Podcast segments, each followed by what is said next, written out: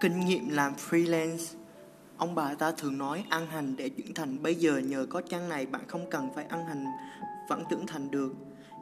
Cơ bản là mọi kinh nghiệm hoặc trường hợp bạn phải trải nghiệm nghe được từ các cao nhân khác để dính phốt hay ăn hành. Lúc làm freelance. Một số gợi ý cách tìm ra mức giá phù hợp với dự án, process làm hợp đồng để hai bên cùng có lợi, các term condition trong hợp đồng có lợi có hại và cách thương thảo các dấu hiệu sù tiền và cách phòng chống, cách xử lý trả tiền chậm, chống phốt và cách hốt phốt.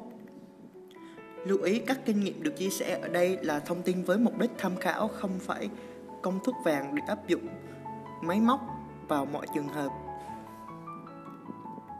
Kinh nghiệm sinh việc, bản thân mình thì hầu như không dùng những cách này mà thường chơi trò thử thách trực diện. Với công ty tuyển dụng, về cơ bản thì mỗi công ty mình để ứng tuyển vào một lĩnh vực khác nhau, ở một vị trí khác nhau nên nó đòi hỏi các yếu tố khác với quy trình phổ biến nhưng qua vài năm cộng tác làm headhunter ở một số công ty tuyển dụng cũng như trực tiếp trong lĩnh vực thiết kế quảng cáo game thì điều mà cũng như các nhà tuyển dụng chú ý, đầu tiên không phải là bản CV đầy đủ sơ yếu lý lịch ba họ bốn hàng mà là những đặc điểm sau. Quan trọng nhất, email. Địa chỉ email không phải thanh niên nghiêm túc nhưng đừng bao giờ là công chúa móng, hoàng tử đậu xanh, công ăn rau má. Tiêu đề rõ ràng, nói rõ vị trí mà mình muốn nộp hồ sơ, tên của bạn. Ví dụ, tên, vị trí ứng tuyển, nội dung phải có nơi gửi đến người nhận công ty abc phòng. Khi nói chuyện, cần phải biết là mình đang nói với ai, hướng tới điều gì. Nội dung liên hệ, lý do gửi mail này cũng không cần thiết lắm cho cái việc phải ghi mấy mẫu trên dạng, trên mạng đầy rẫy kiểu công ty XX được biết đến như một đế chế bla bla trong ngành. Ai làm tuyển dụng đọc vào cũng biết bản copy hay tự viết liền.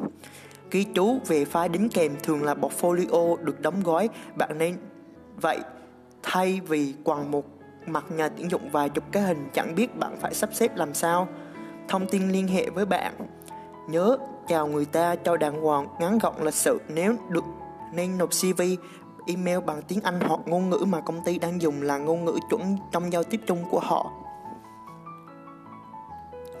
CV nhớ kèm ảnh chân dung để nhận diện, không cần thiết phải là mặt lạnh phong xanh nhưng cũng đừng đeo len giả, mi dày, nửa kilo, phùng mang, chu mỏ, hoặc nam thì góc chụp của thánh xịp vàng địa chỉ liên hệ. Làm ơn đừng quên số điện thoại cá nhân và email. Giờ chắc ít nhà tuyển dụng chơi trò viết thư học bàn lắm. Các công việc đã làm nêu khoảng 3 dự án thành công nhất cho từng vị trí, đừng lôi quá nhiều vào. Đừng viết ra một dự án khủng, nhưng vai trò của bạn chỉ là rất nhỏ. Trong, chỉ vì cái thương hiệu của khách hàng, nhà tuyển dụng chỉ thực sự quan tâm đến thực chất công việc của bạn làm gì, đóng góp bao nhiêu phần trăm vào dự án. Người tham khảo hãy nhớ rằng CV của bạn tăng thêm 200 đến 300% tin tưởng vào và sức nặng so với các ứng viên khác nếu như, như mỗi dự án, mỗi vị trí công việc mà bạn liệt kê đều có người uy tín để kiểm chứng kèm với số điện thoại và email của họ.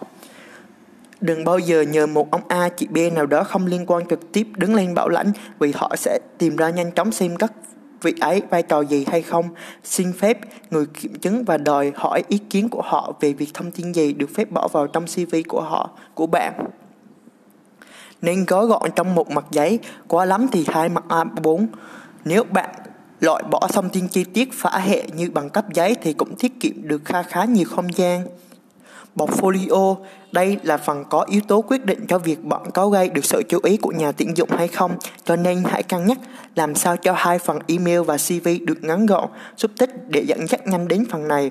Portfolio được phân loại theo các hạng mục rõ ràng, vẽ tay, 2D, 3D, animation, UI design, vân vân. Thay vì bạn zip nguyên một nùi rồi quẳng vào mặt người ta chơi trò lựa đậu gom thành một file PDF chia rõ từng section hoặc up portfolio lên Behance. Hình như nên được chọn lọc để có chất lượng tốt nhất và phù hợp với nhu cầu tuyển dụng. Đi test và phỏng vấn nên đi đúng giờ và sớm hơn một chút. Lý do lạc đường là cực kỳ nhảm nhí. Tìm đến công ty là một trong những kỹ năng cực kỳ quan trọng. Nếu không biết thì có bản đồ bạn làm gì khi có trong tay một chiếc smartphone laptop, không biết thì mở Google Maps, địa điểm Thói quen của mình trước đây là luôn đi trước đó vài ngày để thăm dò địa hình công ty, môi trường sống tại đó. Điều này ảnh hưởng tới việc đàm phán thương lương lợi ích khác của công ty. Đừng quá lạm dụng vào những mánh khóe, đậu lốt từ dưới từ chuyên nghiệp được các chuyên gia tư vấn nên dùng dùng đại từ nhân xưng tôi một lỗi cơ bản, nhưng rất nghiêm trọng đối với văn hóa ngôn ngữ Việt Nam là chúng ta có nhiều từ để phù hợp với văn cảnh đối tượng khác nhau. Nếu bạn lớn nhỏ hơn, người phỏng vấn tầm 2 tuổi thì xưng tôi là khá đẹp. Nhưng nếu bạn nhỏ hơn 5 đến 6 tuổi mà vẫn cố gắng lên xưng tôi thì bạn tự làm mất đi cơ hội của mình khá nhiều. Giỏi chuyên môn cũng phải biết quy tắc ứng xử để phù hợp với môi trường công việc và với các đồng nghiệp khác, khi bạn đánh mất lợi thế giao tiếp, chỉ có hai con đường, hoặc là chùm hoặc là làm chùm của các chùm kiến cho người ta phải quỳ gối xin bạn hoặc là sớm nghỉ việc về nhà tự ký nếu không chịu thay đổi. Nhiều người có khả năng làm việc một mình tại nhà cực cao nên đó cũng là một điều tốt nếu bạn có con đường đúng môi trường làm việc. Đôi lúc người ta cũng muốn xem sự hài hước của bạn trong ngành sáng tạo nếu nghiêm túc quá, đôi khi làm lòng hỏng việc điêu lương. Hãy điêu dựa trên mức độ tự tin của bạn trong cuộc phỏng vấn, trên một số nền tảng. Mức lương trung bình của vị trí trong ngành này quy mô, tính chất công việc tại công ty của bạn đang phỏng vấn, môi trường sống xung quanh công ty. Quan trọng nhất là phải có con số tối thiểu khiến bạn happy. Nhưng đừng nói ra mức lương tối thiểu mà mình muốn. Hãy nói con số mình muốn, có thể nếu nhà tuyển dụng hài lòng. Bạn sẽ có vài cái deal để đi đến mức hợp lý cho công việc năng lực bạn 10 nhưng công ty chỉ cần bạn làm đến 7 thì quá lắm lương, họ sẽ trả là 8 đừng bắt ai phải trả thêm quá nhiều cho những thứ mà họ không sử dụng. Ra về, nhớ chào hỏi, cười nói thân thiện dù kết quả phỏng vấn thế nào. Nhớ gửi email cảm ơn về cơ hội được trao đổi với công ty. Lúc bước ra về, dù đến cửa thì cũng hãy nhớ những nguyên tắc ứng xử cơ bản. Cho dù bạn có cuộc phỏng vấn tốt đẹp mà ra cửa bạn hách dịch với chị lao công thì hãy coi chừng kết quả. Tất nhiên nếu bạn có một phong cách tốt đẹp thì chẳng có gì phải lo ở đây cả.